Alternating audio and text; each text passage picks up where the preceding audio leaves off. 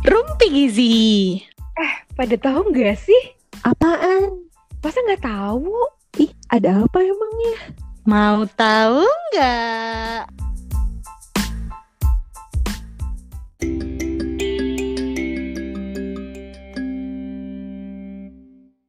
Halo, Hai. hai Sobat Rumpi. Kayaknya kita kalau mau ngerumpi tuh harus kenal dulu ya masing-masingnya biar rumpinya makin enak gitu. Siapa nih yang mau kenalan dulu? Gue dulu Boleh deh ya. sok-sok dibuka. Jadi nama gue Ima. Aku adalah dosen dari uh, UHAMKA dari Prodi Gizi. Kemudian ada teman-teman juga nih di sini sama-sama dari UHAMKA. Ada siapa aja? Ah, masa sih? Kita kenal ya? langsung pura-pura nggak kenal gitu gara-gara openingnya pakai gue lu ya Nggak, santai aja. Sama, ada Siva di sini dari UHAMKA juga pastinya. Iya, ada Boleh. Imas dari Uhamka juga. ini adalah yang paling muda ya kayaknya kita nggak bisa manggil dia bu deh manggilnya kakak aja kali ya Boleh, boleh.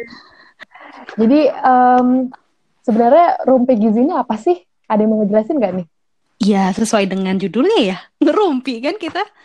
Iya, Tapi yang kita mau ngerumpi. mungkin terkait dengan gizi ya. betul betul Iya, betul. jadi rumpinya agak berfaedah gitu. iya ya jadi biar tetap Walaupun yang ilmu ya. yang ngerumpi belum tentu bermartabat ya. berarti Iya, kalau kita ngomong rumpi. gizi sobat rumpi Tim. harus tahu dulu nih kita ini siapa sih sebenarnya tadi kita udah kenalan kalau kita dosen mungkin kita harus cerita dulu ya background kita nih dari mana sih gitu ya mungkin dari yang paling dituakan dulu ya kalau rumpi kan biasa ibu-ibu tuh nah di sini yang ibu-ibu kan satu orang nih Bu Syifa Sorry, Welcome, sorry, Ibu. sorry, bentar. Lo salah. Kalau ibu-ibu tuh dua berarti. Berarti lo bilangnya Oh. ibu. Karena Iya. dia satu doang ibunya. Oke deh, karena tadi udah disebut gue yang paling tua. Jadi ya sudah eh, memperkenalkan diri. Saya ibu-ibu Syifa gitu ya, dengan anak satu. Alhamdulillah suami juga masih satu. Nggak nambah, nambah sih, nggak, pengen nambah. Nggak sih, cukup cuma satu aja. Nah, mudah-mudahan suaminya juga nggak mau nambah ya, punya istri dua. Amin misalnya ya. gitu. Nah ini mau yang mau dikenalkan apa dulu nih Eh, background gitu ya misalkan kita Iya, kan background. gizi. betul jadi selain eh, jadi dosen UHAM kan nggak mungkin tiba-tiba lahir jadi dosen kan dia Betul. lewatin dulu tuh jadi sama sih kayak anak-anak SMA yang baru lulus tuh dulu pasti mau ikutan SPMB kan ya semuanya juga kan Ima sama Dulu Ima juga gitu namanya kan nama kita Senam bukan PTN. SPMB ya. Heeh, generasi kita udah beda. oh sorry beda tahun beda nama ya nah itu dia pokoknya itulah intinya ikut langsung ketahuan nih kira-kira umur berapa nih ya Bu Syifa Enggak, saya masih muda kok. Masih tahun 90-an pas betul. Oh. deh. Sama kan? Ya, ya. Generasi 90-an Sama, kan? Iya, sama sama sama. sama sama Iya, iya. Aduh, kalian tuh. Enggak bedanya 1 2 3 aja gitu kan. Iya, iya, iya. Jadi pas Untuk- eh, lulus SMA itu kan ya apalah itu namanya ikutan tuh, milih jurusan sama kampus kan bingung ya mau masuk kuliah di mana.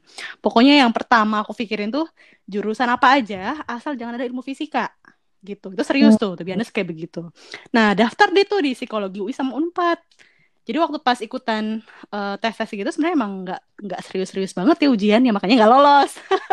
bukan Mm. bukan cuma sekedar nggak lolos karena emang nggak serius itu tapi mungkin eh, pas-pasan juga kali ya otak otak saya pada saat itu nah yang jelas nggak lolos deh tuh eh, SPMB atau kalau di di zaman kalian beda lah namanya misalnya nah akhirnya daftar ikut ujian si pensi maru tahu nggak si pensi maru sekarang juga udah, udah ganti tuh namanya apaan tuh si Iya. pensi maru tuh ujian eh, jadi dia di bawah departemen kesehatan Nah, Oh. akademi-akademi gitu kan ada Poltekkes dulu ya, ada Poltekkes Jakarta 1, Jakarta 2, Jakarta 3. Nah, itu yang Poltekkes Poltekkes itu namanya atau eh, di di bawah Departemen Kesehatan tuh ikut ujiannya tuh si pensi maru.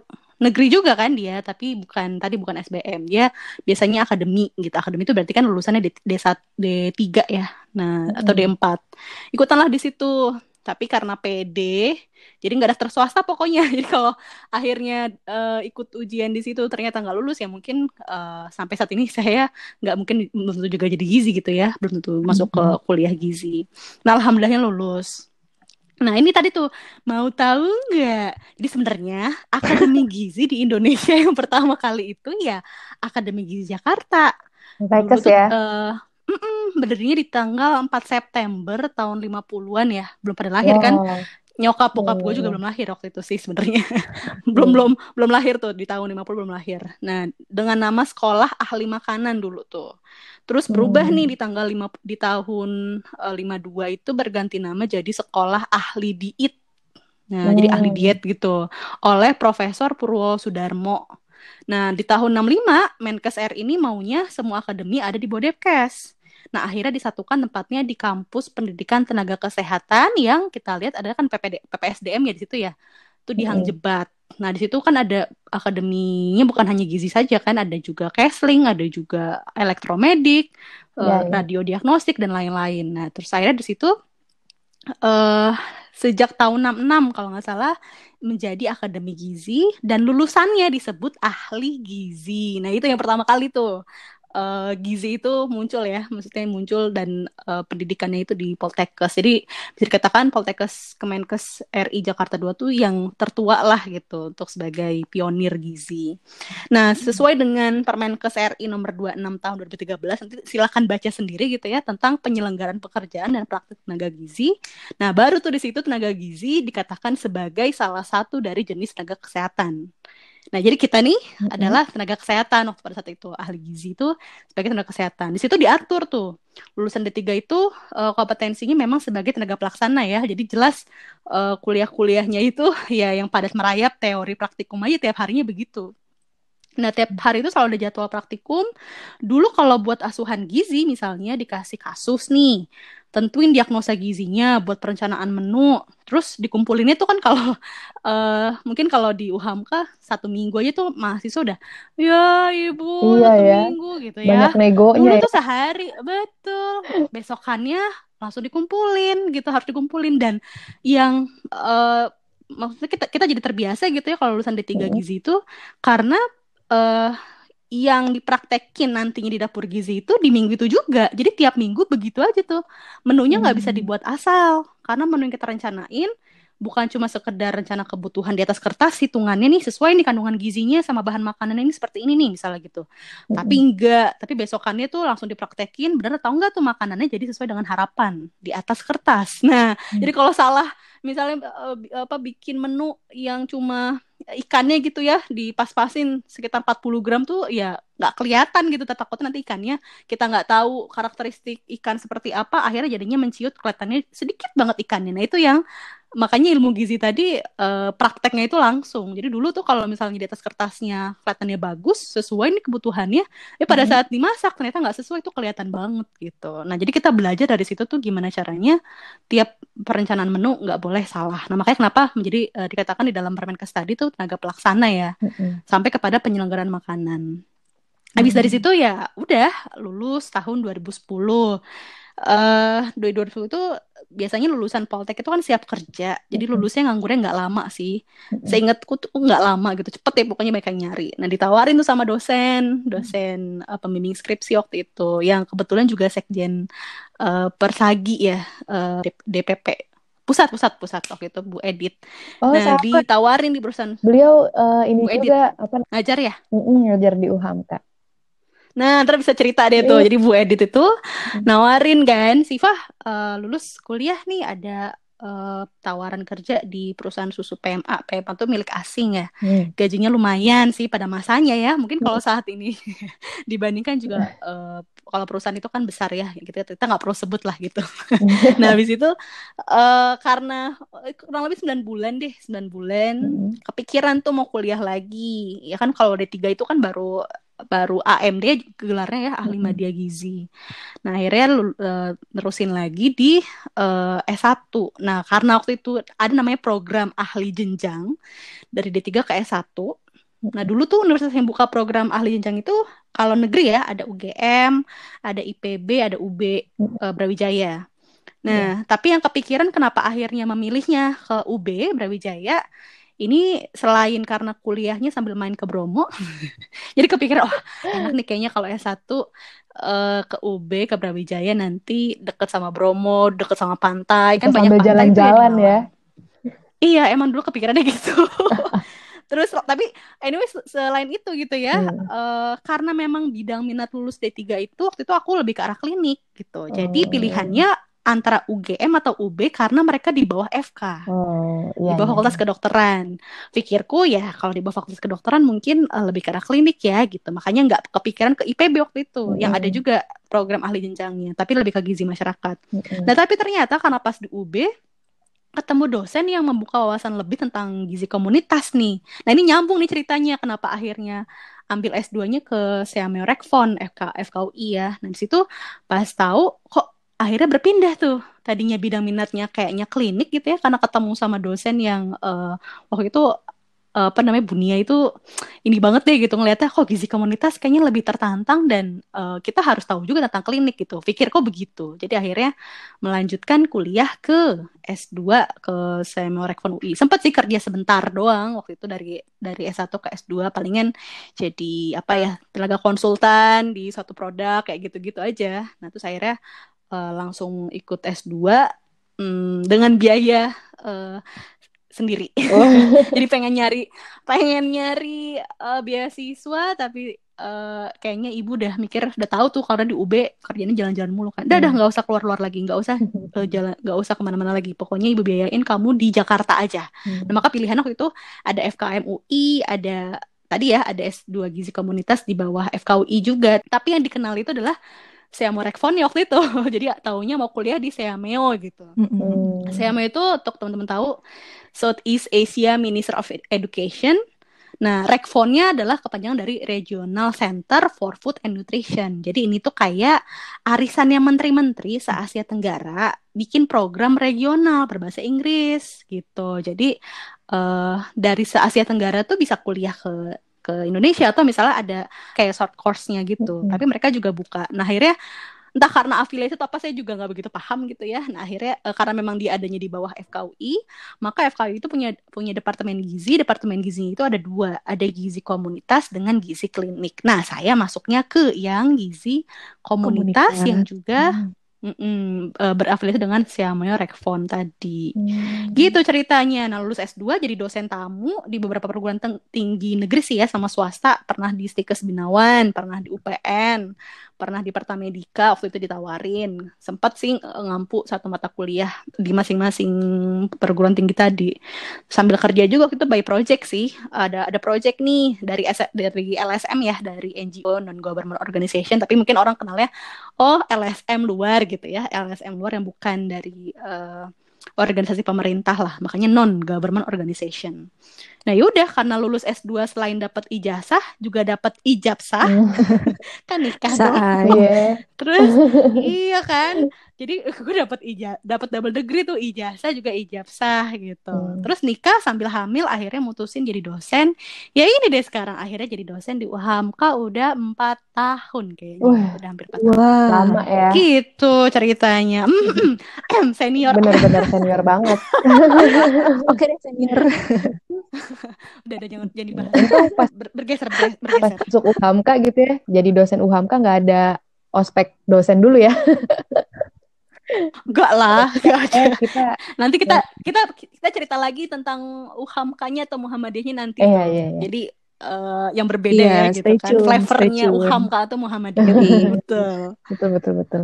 Terus, terus Imas kali ya, pengen tahu nih. Imas kan, cie, dia ini turis ini nih, turis asing, cie. Turis kayak kesannya aku Turis. pernah tinggal di luar negeri lama gitu ya. Iya. Tapi lu lu WNI kan ya warga Masih, negara masih. Indonesia. WNT warga negara Tangerang. Oh, Oh iya lupa. Sama dong kita. Sama, iya. Sama dong. Iya, iya, iya. Gimana Jangan- gimana Bu Ima? seru nih. Maksudnya pengalamannya kan pernah jadi apa? Pernah sekolah di luar negeri. Ceritain dong gimana pengalamannya Bu Imas. Oke, em, sama kayak Mbak Syifa tadi ya di awal coba kita kita flashback dulu dari pas eh, awal mula kenapa akhirnya memilih gizi untuk jurusan kuliah gitu. Padahal dulu tuh di zaman kita kita nih masih satu generasi kan ya. Iya. Gizi tuh kayak kayak jurusan yang belum familiar kan ya sama anak SMA. Kan SMA kalau Betul. ditanya tuh pengen jadi apa? Pengen jadi dokter, pengen jadi pengacara gitu kan. Gizi tuh apa? nggak ada bayangan sama sekali. Nah, tadi em, pada saat mau masuk ke perguruan tinggi pas lulus SMA akhirnya kan kita punya pilihan tuh ya.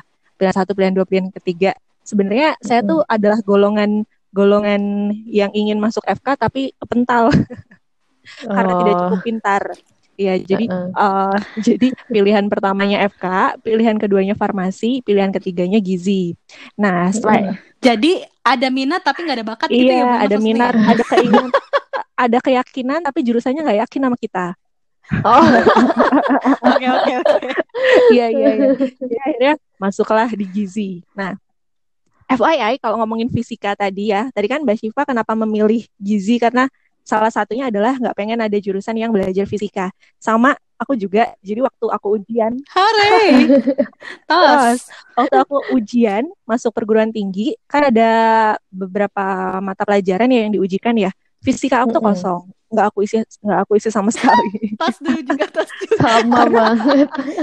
fisika itu ya pelajaran yang apa nalarnya tuh nggak nyampe banget di aku. Kayak "Ba- mengapa kita harus menghitung eh, besar gaya katrol? Emang apa penting ya intinya itulah. Kalau kalau udah nggak minat eh, nggak mudeng aja mau diajarin kayak gimana juga. Akhirnya itu tadi kosong ya. Kosong tuh fisika di ujian masuk. Tapi alhamdulillahnya untung keterima meskipun ya pilihan ketiga dan akhirnya itu alhamdulillah yang akhirnya eh, dipilih menjadi eh, jalan karir nih sampai sekarang nah masuk gizi mana waktu itu satunya di gizi UI jadi masuk di Gizi UI waktu itu tahun 2010 dan Gizi UI itu adalah salah satu jurusan gizi yang baru. Sebelumnya tuh Gizi masuknya jurusan Kesmas, Kesehatan Masyarakat, Peminatan Gizi. Jadi lulusannya tuh eh, gelar KM Sarjana Kesehatan Masyarakat. Baru setelah tahun 2008 berubah lulusannya jadi satu departemen sendiri kan. Jadi lulusannya tuh Mm-mm. SGZ. Nah, eh, jadi angkatan 2008 itu adalah angkatan pertama Gizi eh, UI gitu. Jadi masih sangat muda kalau dibandingin sama UHAMKA itu jauh jauh banget ya. Nanti mungkin eh, Ima bisa cerita lebih lanjut tentang UHAMKA. Nah, kemudian kalau di Gizi menariknya adalah eh, Gizi itu belajar eh, Gizi UI ya, belajarnya itu eh, sistemnya student center learning. Jadi kita eh, Kebetulan. satu angkatan Eh aku juga tuh di UB juga begitu sama. ya. Ya SCL. itu mengadopsi Hmm. dari kurikulumnya FK deh kalau nggak salah. Kurikulumnya anak kedokteran gitu yang Iya, student iya. center. Jadi by case dikasih kasus terus nanti kita memecahkan kasus kayak gitu. Nah, jadi satu Hmm. angkatan tuh sekitar 60 orang itu dibagi jadi empat kelas tutor namanya. Jadi satu kelas tuh ada 15 mahasiswa. Dan setiap kelas tutor, misalnya kita satu minggu tuh belajar blok blok gizi mikro misalnya. Jadi satu minggu itu kita akan belajar gizi mikro tuh setiap hari kayak gitu. Jadi sistem Mm-mm. kuliahnya kayak gitu. Nanti di kelas tutor dosen itu nggak banyak menjelaskan. Jadi mahasiswa dikasih skenario, kemudian skenarionya itu dipecahkan dalam eh, lebih lebih dominan sih sudut pandangnya gizi kesmas kayak gitu. Terus nanti baru di akhir dosennya mengomentari kira-kira apa yang perlu ditambahkan, apa yang perlu diklarifikasi. Nah sebenarnya sistem kayak gitu juga ada kelemahannya sih. Meskipun positifnya tadi Apa tuh? positifnya ya ini eh, mohon maaf Bapak Ibu dosen eh, kalau ada yang dengar siapa juga yang mau dengar. Positifnya kalau misalnya kita pakai student center learning gitu, mahasiswanya kan terbiasa ngomong, terbiasa bikin presentasi, terbiasa apa berargumentasi gitu ya. Tapi akhirnya materi yang kita dapatkan tuh nggak semaksimal kalau kita diajarin dosen. Jadi tergantung bener-bener tergantung sama eh, motivasi belajar mahasiswa. Kalau mahasiswanya semangat, dia akan dapat banyak. Kalau mahasiswanya males, dia hanya akan dapat baca aja gitu. Jadi benar-benar bergantung sama motivasi mahasiswa. Nah, kebetulan saya adalah tipe mahasiswa yang moderat di tengah-tengah. Tidak termotivasi maksudnya? 50-50. Agak-agak gitu ya. Oke oke. Nggak nggak jelek-jelek amat lah, masih masih median lah, median. Iya, masih masih termotivasi sedikit. Jadi ya itu tadi dapat ilmu gizinya nggak terlalu maksimal. Nah, udah tuh menyelesaikan pendidikan selama empat tahun ya, lulus tahun 2014, wisuda, kemudian eh, nyari kerja. Sama seperti job seeker yang lainnya, Mhm. pekerjaan pertama aku adalah menjadi guru di sebuah SMK kesehatan di eh, Tangerang. Jadi nggak jauh dari rumah waktu itu. Em, menariknya adalah waktu saya masuk UHAMKA sebagai dosen gitu ya, beberapa mahasiswa saya nemu eh, dua orang mahasiswa, satu di Gizi, satu di Kesmas. Nah itu eh, mereka berdua adalah mantan murid saya. Mantan murid itu nggak ada yang mantan ya. Murid murid saya waktu dulu Kolega Oh ya, kolega. kolega. kolega waktu dulu uh, di SMK itu. Jadi dia dulu murid, saya gurunya. Nah, kemudian ketemu lagi di UHAMKA, saya dosen, dia mahasiswa. Nah, itu cukup ini juga sih, wah, ternyata dunia sesempit daun kelor ya. gitu.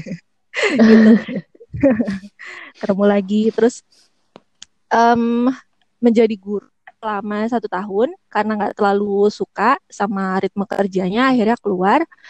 Terus abis dari situ masuk ke uh, FKUI RSCM. Jadi sebelum di FKUI itu ada IMERI ya namanya kayak research center kan kalau sekarang dulu tuh misah-misah research centernya. Jadi uh, research centernya bidang ilmu ini sendiri, bidang ilmu ini sendiri, tapi tetap terintegrasi sama RSCM. Makanya namanya selalu di belakangnya tuh departemen apa FKUI RSCM gitu ya. Nah, mm.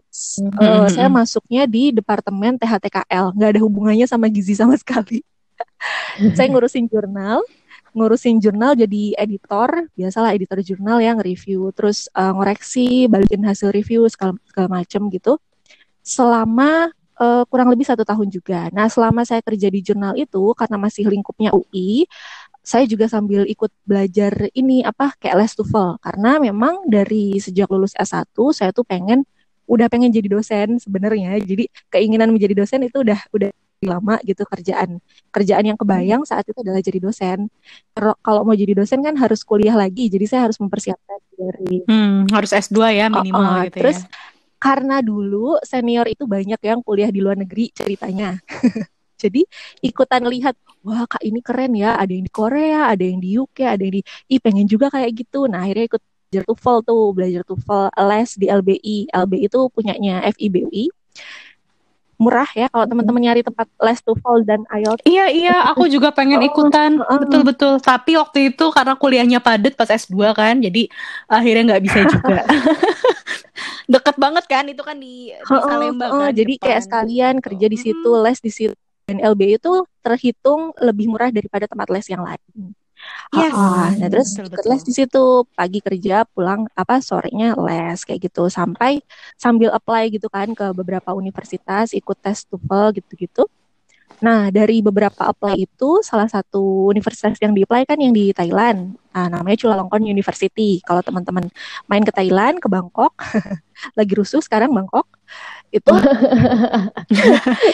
iya itu pas di tengah kotanya banget dikelilingi sama mall. Nah, itu kampusnya ada di situ. Nah, kuliah di situ masuk uh, dengan apa? Biasa kalau kita ingin kuliah di luar negeri itu pasti butuh kayak motivation letter, terus uh, hmm. apa ya? kayak CV, terus apa proposal penelitian dan sebagainya. Kayak gitu. Jadi nggak ada tes kayak waktu satu gitu. Nah, terus masuk uh, ke situ kuliah Nah, di mana kuliah ini iklimnya gapnya beda banget sama waktu S1. S1 itu kita besok ujian, besok pagi ujian, malamnya belajar itu masih bisa.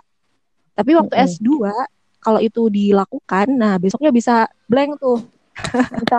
jadi jadi apa ya ritme ritme belajarnya benar-benar beda persaingannya beda kompetitif banget anak Thai itu sangat ambisius kalau level anak Indonesia itu kan sebenarnya udah ambisius ya kalau duduk maunya di depan gitu kan Uh, tapi kalau anak Thailand itu kayak 10 level di atas lebih ambisius. Jadi kalau Ma oh. itu level paling tinggi. Pedes banget berarti ya. iya. Parah, Sampai mules ya. Parah. Jadi mau nggak mau kalau kita mau survive ya udah ikutin cara belajar mereka. Ya sudah belajar akhirnya bisa survive meskipun lulusnya telat ya tiga tahun. Padahal kan S2 tuh normalnya dua tahun karena memang penelitiannya uh, dosennya perfeksionis dan di lab. Sementara waktu S1 kan uh, basic praktikumnya. Nah basic praktikum nih beda nih D3 sama S1. Kalau Mbak Syifa tadi kan lebih sering praktikum. S1 tuh enggak nggak seintens praktikumnya anak D3. Jadi itu juga yang menjadi perbedaan. Akhirnya skill skill lab itu baru dibangun pada saat S2. Lulus S2 itu di tahun 2018 bulan Agustus tanggal 30. Wih, apa banget langsung sih masuk UHAMKA. Jadi belum sempat kerja di mana-mana langsung masuk UHAMKA. Begitu, Bu Syifa Bu Ima. Oh, jadi yakin banget ya Bu Mantep banget ya, mantep banget ya. Berarti kayaknya Uhamka udah diincer siap. dari selama dia di Thailand kali ya. Iya kayak mungkin mungkin. Iya, iya iya iya iya bisa dibilang begitu. Saya jadi agak bangga karena saya lulusan Uhamka kan. Iya. Yeah. Wih. Wih, biasa aja. Uh, Sebenarnya agak minder ya. Uh. Ke, ketemu sama uh, teman-teman yang punya pengalaman jauh lebih baik gitu kan. ada yang dari basicnya universitas negeri, ada yang dari uh, luar negeri. Sedangkan saya cuma dari UHAMKA, C. Tapi nggak gitu juga. UHAMKA tuh juga bagus kok. Kok sekarang terdepan loh. Bener-bener, bener-bener. kalian kalian siapanya UHAMKA sih? Dosen, dosen. Oh dosennya, Dosennya. dosennya lupa. Aduh, aduh. Jadi dulu tuh ada cerita lucu. UHAMKA tuh sebenarnya bukan pilihan pertama saya dan bahkan saya nggak tahu gitu ya, Mbak. Oh my god, lucu banget. Belum, belum, belum. Terus abis itu eh, dulu tuh pengennya sebenarnya masuk kedokteran gigi, cuman karena waktu itu pilihannya cuman UI gitu kan, atau kalau swasta pengennya Mustopo, tapi kan mahal ya. Terus Akhirnya eh, orang tua apa namanya inisiatif untuk ya udahlah masuk ke gizi aja. Waktu itu pilihannya yang aku tahu gizi yang bagus tuh kan cuman ESA unggul swasta kan. Karena aku nggak ikut senang PTN, itu Hmm. salah strategi nih. Dulu tuh pikiran aku, aku emang anaknya tuh eh, nggak mau gitu ya bersaing sama orang-orang karena udah ah males ah bersaing banyak gitu. Akunya nggak mau ribet gitu, jadi nggak ikut-ikutan. Jangan ditiru ya adik-adik, jangan ditiru ya. adalah keputusan yang salah sebenarnya. Nggak, karena peluangnya tuh justru besar kan. Aku nggak ikut itu, aku cuma ikut karena ujian mandiri itu kan em, ada banyak faktor gitu kan. Akhirnya nggak lulus dan pilihannya adalah harus di swasta itu. Tadinya mau masuk eh, gizi ESA unggul, tapi entah kenapa emang udah takdir kali ya. Akhirnya orang tua masukin aku ke UHAMKA. Oh, basicnya juga orang tua aku tuh lulusan UHAMKA. Jadi Oh, nepotisme. kolega, kolega.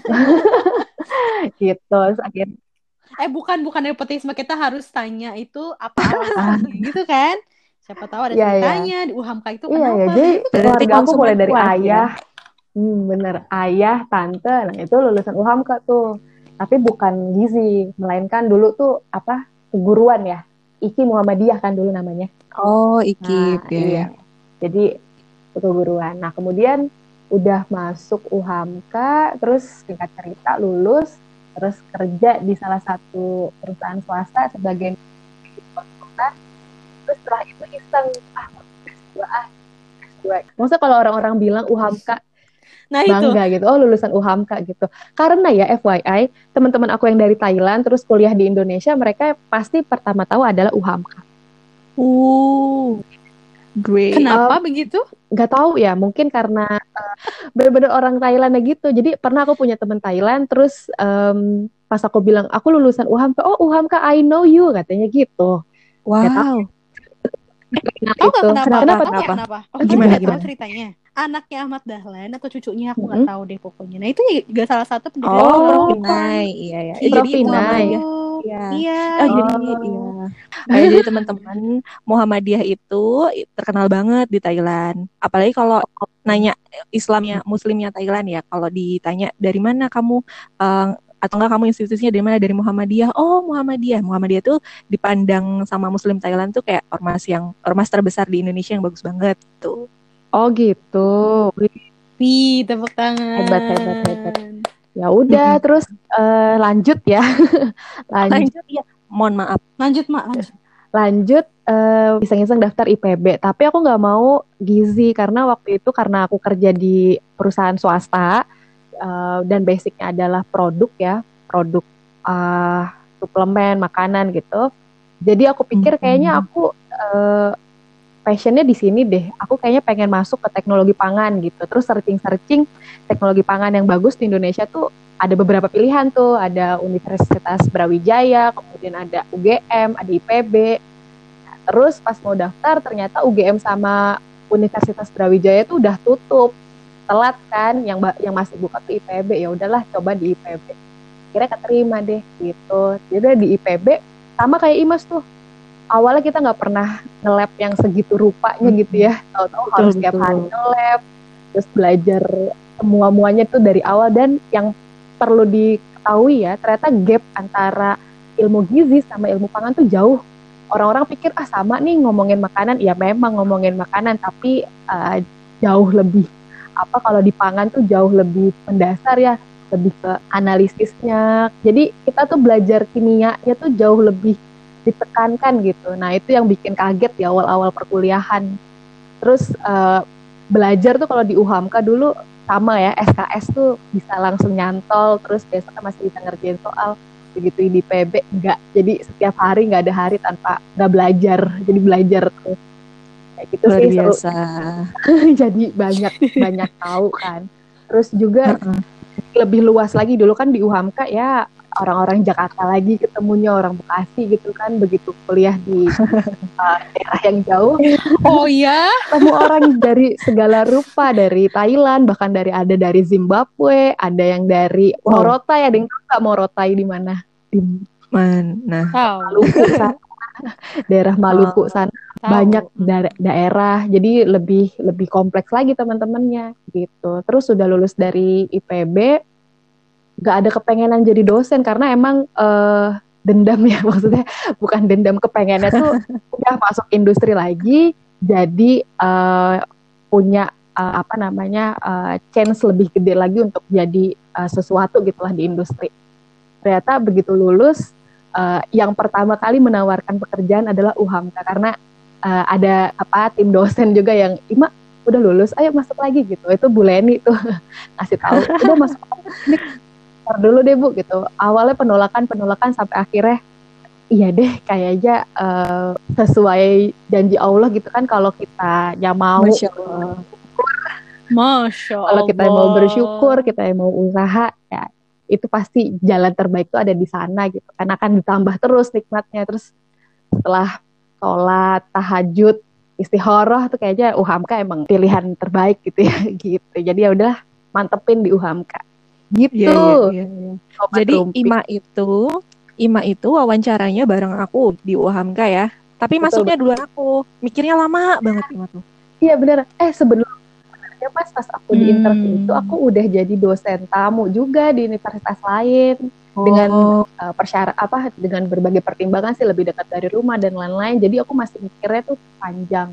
Dan tadi aku nggak kepengen jadi ya itu tadi aku sebenarnya anaknya introvert gitu kan malu-malu nggak suka gitu jadi masa sorotan. sih? Masa sih? nggak tahu sih ya itu kan lebih ranahnya ke psikologi. Ya ini menurut aku aja pribadi. Kayak gitu. Tapi makin kecil Iya. makin nyaman ya ternyata ngomong di depan orang diperhatiin terus sharing ilmu yang kita dapat ke teman-teman itu asik ya. Gitu. Seru seru Karena ngajar. Iya, jadi tujuannya eh, tadi tuh dari berangkat dari karakter atau berangkat dari cerita yang berbeda, tapi akhirnya nyemplung mau tidak mau jadi dosen. Tadi ya itu punya mm, pertimbangan sendiri gitu dan Iya. ada ada timbal balik dari Iya, apa yang sudah betul. kita laluin kan. Tadi misalnya lewat ini boleh di garis bawah itu sebenarnya. Jadi ka- seperti kalau UHAMKA itu kan harus ada ayatnya ya. Seperti ayat di Al-Alaq tuh 1 sampai 5 gitu terkait dengan ilmu pengetahuan. Jadi bacalah katanya dengan menyebut nama Tuhanmu yang menciptakan. Dia telah menciptakan manusia dari segumpal darah. Bacalah dan Tuhanmu lah yang maha mulia. Yang mengajar manusia dengan pena. Dia mengajarkan manusia apa yang tidak diketahui. Masya Allah. Nah itu tadi tuh. Jadi sebenarnya kuliah kita itu adalah proses Iya, betul. pembelajaran. Kalau Allah bilang bacalah itu maksudnya salah satunya adalah proses kita dalam eh, belajar gitu. Melihat sekeliling, belajar Betul, dari teman-teman gitu kan ya. M- mengelihat lingkungan oh ternyata ini beda banget. Ah itu yang sebenarnya kita lagi mudah-mudahan nih benar. berkahnya ada. Karena kita udah ngejalanin hikmah dari surat Iya, iya. al-alaq ini Dan belajar itu menjalankan. nggak harus nggak harus di kelas ya. Belajar itu oke kuliah itu bagian dari proses belajar. Tapi di luar bangku kuliah juga proses pembelajaran tetap berjalan. Kita interaksi sama teman-teman itu juga bagian dari proses belajar. Kita adaptasi sama sistem belajar itu juga bagian dari belajar gitu sih. Iya betul betul. Makanya tadi kalau Imas bilang SCL itu ada kekurangan ada kelebihan gitu ya, eh, itu dari dari sudut pandang Imas gitu. Bisa jadi dari sudut, pandang yang lain gitu ya. Ah enggak kok, ini menurut saya lebih banyak kelebihannya gitu. Kekurangannya ada nggak? Iya. Nggak ada. Ada yang bilang begitu juga. Pembelajaran caranya apa pun itu, kalau kita dapet eh kita bisa belajar ya melewati itu walaupun kita nggak suka. Tadi misalnya kayaknya juga pengennya eh, ke klinik tapi akhirnya jadinya ke komunitas. Atau misalnya Ima ternyata beda banget ya antara pangan sama gizi. Terus nggak belajar kan ya terkait dengan nge-lab. Imas juga begitu. Tapi mau tidak mau karena karena tadi inti pembelajaran adalah ya udah kita ikut te- apa terjun masuk ke dalam kita proses gitu ya. Itu adalah proses pembelajaran yang akhirnya pasti ada hikmah dan ada luaran dari Betul. pembelajaran itu sendiri gitu Eh, teman-teman mahasiswa mungkin kalau dapat apa pun tipe Iya, dosen iya, kita iya, juga lu iya. nggak pernah ngeluh ya dosen saya ini kayaknya hmm, kebanyakan ngomongnya sama papan tulis gitu atau dosen saya yang ini tuh galak banget dosen saya yang ini tuh asik banget tapi saking asiknya kebanyakan cerita akhirnya malah materinya nggak dapet. Kan banyak yang kayak gitu tuh. Kita nggak pernah ngeluh kan? Tapi kita mengambil apa sih uh, tadi kalau Imas bilang pembelajaran juga dari apa teman-teman di luar. Oh ngeliat ternyata tipikal dosen ngajarnya seperti ini gitu. Kita nggak pernah lihat itu menjadi satu kekurangan. Tapi malah kita jadikan itu sebagai pembelajaran kembali yang oh berarti kalau seperti ini kita harus uh, punya cara lain nih gitu ya, kan nggak bisa nungguin betul. dosen gitu kan ya. Ah nah ini yang kayaknya pengen pengen harus uh, aku jelasin nih di sini gitu biar teman-teman nanti tahu bedanya perkuliahan sama iya, SMA nggak bisa lagi kayak dulu. tadi kan kita udah bahas nih masing-masing dari kita kenapa pengen di gitu kan. Terus kenapa masuk UHMK gitu kan. Sekarang aku mau nanya nih kita kan masih terhitung muda dalam tanda kutip ya sih ya kan? Kita masih di bawah 30 kan? Iyalah produktif. Pernah nggak sih ada mahasiswa yang uh, berkesan gitu loh di di mata kalian? Misalnya kayak manggilnya jadinya uh, atau teteh atau apa gitu? Kalau berkesan sih sebenarnya gini semua mahasiswa itu berkesan. Karena tiap aku yang ngelihatnya gitu. Bahkan aku juga ngerasa dosenku dulu juga ngelihatku tuh begitu. Uh, tiap mahasiswa itu punya kesan yang berbeda yang berkesan itu adalah di saat kita ngeliat nih tadinya nggak tahu jadi tahu dan mau tahu. Nah itu tuh yang berkesan begitu. Tadinya mungkin dia cuek aja uh, ngerasa bahwa kuliah itu nggak begitu berpengaruh ke kehidupan ya gitu. Karena dia nggak lihat intisari dari pembelajaran kuliah itu adalah proses gitu. Nah pada saat dia melihat itu menjadi proses tuh itu berkesan gitu. Nah jadi itu aja sih. Karena masing-masing orang tuh punya karakter yang unik yang bisa berubah kapan saja gitu ya. Tadi faktornya banyak faktor satu faktor yang merubah uh, gambar atau perilaku itu adalah ya tadi tuh lingkungan uh, perkuliahan gitu. Siapa temannya siapa dosennya bagaimana cara fasilitas yang ada misalnya gitu. Bagaimana cara dia belajar. Itu ikut mempengaruhi. Jadi seseorang itu akan akan punya proses yang berbeda itu pada saat dia mengalami prosesnya itu sendiri gitu. Makanya perlu ditekankan tuh gini. Yang berkesan tuh buat buat saya itu dari kalian itu adalah adanya proses gitu Betul. Perkara tadi misalnya proses itu hanya sedikit gitu ya, tapi yang buat kita bahagia jadi dosen tuh ada loh dan ini ada perubahan loh gitu aja tuh udah seneng banget gitu. Lanjut deh ya. Kalau Imas pernah nggak ada kesan-kesan yang gimana gitu? Uh, selama dua tahun ngajar, oh banyak sih sebenarnya nggak bisa disebut case by case. Tapi gini, setiap melihat mahasiswa, setiap menghadapi mahasiswa tuh aku selalu berkaca sama diri aku 7 sampai delapan tahun yang lalu. Mahasiswa itu beda-beda ya. Jadi nggak bisa satu treatment itu diberikan untuk semua mahasiswa sama rata itu nggak bisa. Jadi kita harus mencoba menempatkan uh, ukuran kaki kita di sepatu mereka gitu kah kasarnya begitu ya. Dan itu um, bijak amat, Mas. Tapi gini, waktu kita ikut pekerti ya, eh Mbak Syifa mungkin udah udah, udah ya. Uh, Ima karena masih baru jadi belum ketemu pekerti. Waktu pekerti itu saya ingat banget uh, salah satu pemateri itu bilang um, tantangan kita menjadi seorang guru itu uh, tidak bisa memberikan treatment yang sama untuk setiap mahasiswa. Ada mahasiswa yang uh, diajarinya cepat gitu langsung ngerti, alhamdulillah itu kan meringankan tugas kita. Kemudian kalau kita ketemu mahasiswa yang ternyata kita butuh effort lebih tinggi untuk membuat dia mengerti sama materi kita, itu juga nilai amalnya jadi lebih uh, lebih banyak gitu dan itu kita nggak bisa um, apa pura-pura nggak tahu ada mahasiswa yang kayak gitu. Nah itu sih yang berkesan karena um, kita uh, dulu waktu kita jadi mahasiswa, kita kan mau taunya, Ih, kenapa sih ini dosen pelit amat ngasih nilainya, terus kenapa sih ini dosen uh, apa ketat amat gitu kalau ujian bener-bener kayak lagi ujian nasional apa ya gitulah killer gitulah istilah istilahnya ya. Tapi karena ternyata pada saat kita jadi dosen sekarang, kita melihat mahasiswa kita kita ingin memperlakukan hal yang sama seperti apa yang dilakukan sama dosen kita dulu gitu ya. Ternyata itu nggak bisa applied untuk semua uh, karakter dan itu yang menjadi tantangan jadi eh, nggak uh, ada yang satu orang yang spesial karena semua case by case itu berkesan menurut aku begitu transisi ya, anak-anak uh, dulu dan sekarang atau cari cara pembelajaran dulu dan sekarang tuh bener-bener cepet beda. banget loh kilat loh ya, hmm. betul, betul. jadi memang beda, kita beda. harus berinovasi banget kayaknya untuk uh, jadi dosen nah akhirnya dosen itu sama dengan teladan jadi makanya bedanya pendidik sama pengajar tuh kalau pengajar tuh lebih mudah dibandingkan pendidik. Tadi kalau Ima, Imas bilang uh, kita nggak boleh tutup mata ya tadi itu adalah pendidik gitu kalau sebagai Iya. pendidik yang benar tuh ya kita harus perhatikan itu tadi yang dia nggak bisa atau dia nggak nggak sesuai dengan met- metode yang seperti ini maka kita harus pikirkan gimana caranya itu juga em, mencakup dia juga gitu masalah kampus merdeka ya ada challenge-nya kali ya gitu kita kan memang eh, di era sekarang karena covid juga jadi mau nggak mau kuliah harus daring Eh, Iya. mungkin bisa sama-sama ditanggapi Iya betul, setuju sih kampus Merdeka itu sebenarnya eh, bagus ya. Mungkin karena Mas Menteri eh, lama juga belajar di luar negeri, jadi eh, beliau mencoba mengadopsi sistem belajar yang itu memang cocok gitu untuk anak-anak eh, luar mungkin yang yang dari sejak sekolah dasar memang udah dibiasakan belajar mandiri gitu. Tapi kalau pendidikan kita sejak dasarnya, ini pendapat saya aja sih, kalau pendidikan kita sejak dasarnya belum dibiasakan untuk mandiri, untuk mencari sendiri, sampai perguruan tinggi pun dipaksa ke kampus Merdeka, mungkin uh, treatmentnya akan um, beda gitu, nggak bisa diterima semua mahasiswa gitu. Tantangan buat kita juga. Jangan-jangan kita nih eh, belum bisa mengajarkan arti dari kampus merdeka juga gitu maksudnya. Kita sebagai dosen tuh eh, cara ngajar kita juga masih belum merdeka gitu ya karena masih itu tadi. Eh, indikatornya akan jadi akan jadi sulit ya. Karena gizi kan kompetensi nih. Kompetensi itu kan terkait dengan praktik ya. Mm-mm. Nah, jadi itu itu sih, jadi balik lagi tergantung jurusan ya. Mungkin eh, dibilang merdeka, oke merdeka untuk bisa dapat dari mana aja jurnal tadi, kemudian bahan bacaan, kemudian Hmm. materi-materi. Tapi balik lagi tuh, kita nggak bisa semerdeka itu, menurutku gitu ya. Kalau terkait dengan praktik gitu, karena kan tadi praktiknya harus sama. Maka kenapa ada STR? Nah, jeng-jeng, nanti panjang lagi itu kalau bahas STR. Iya iya iya. ya tujuannya adalah Iya, itu tadi kan menyamakan kan kompetensi. kita bisa lah itu kita bahas jadi satu topik ya masalah STR ya terus masalah-masalah Keprofesian Oh, ya. gizi ya namanya juga rumpi. Eh ini apa pun yang kita sampaikan itu hanya pendapat pribadi ya. Iya. Kalau ada perbedaan pendapat ya ya mohon maaf.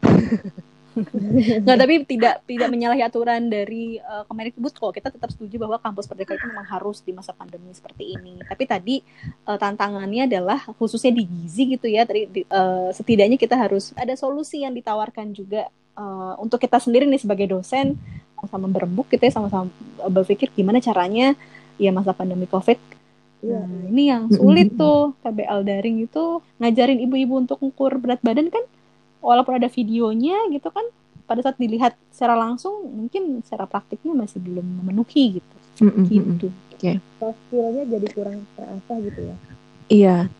Intinya tetap ada apa? kompetensi gizi yang sebebas-bebasnya, semerdeka-merdekanya tetap harus eh, dituntun untuk memenuhi gitu ya, Mas Syifa. Mm-mm, mm-mm, Iya, betul. betul betul. Kita kita kita yang harus memenuhi itu gitu maksudnya.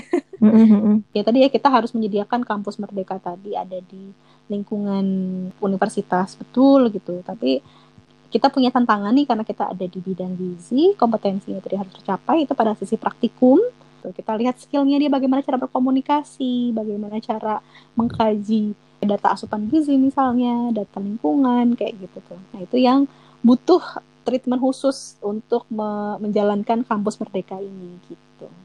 Betul betul. Ini juga sebagai tujuan kita ya ngebuat podcast rumpi gizi Ya, betul. Iya betul. jadi kita akan bahasnya ke arah sana gitu kan bahas tentang Selain membahas tentang gizinya ya, eh Ya. Ima yang berhubungan sama kegiatan apa yang dekat dengan kegiatan sehari-hari, Hmm. yang sederhana, yang simpel-simpel aja. Kalau yang ribet mah bisa dipelajari di bangku kuliah ya. jadi bukan cuma Namanya juga aja yang bisa tapi semua kalangan bisa dengar ya Iya.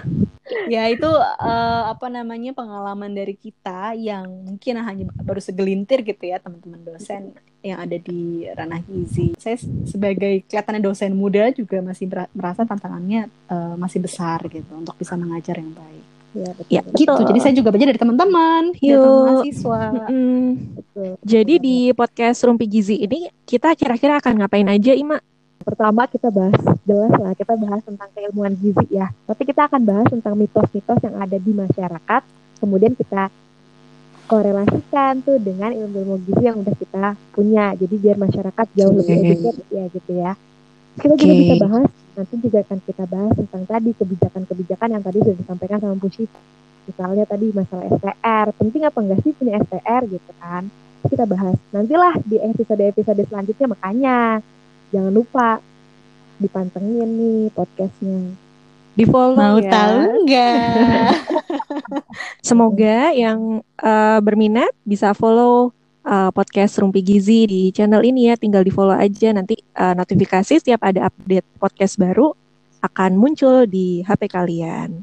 Mantap. Jadi Mantap. Oke, kalau gitu mungkin bisa di closing ya untuk podcast podcast kita yang pertama ini, Mak. boleh. Siapa nih mau nutup? Aku masih Oke. pengen kangen-kangenan sih sebenarnya. Oke, nanti kita akan ketemu lagi di episode podcast yang selanjutnya. Untuk podcast yang episode ini kita tutup dulu ya. Jangan lupa tadi follow channel dari podcast Rumpi Gizi. Jangan lupa untuk terus cari tahu. Dah. Dadah. Assalamualaikum.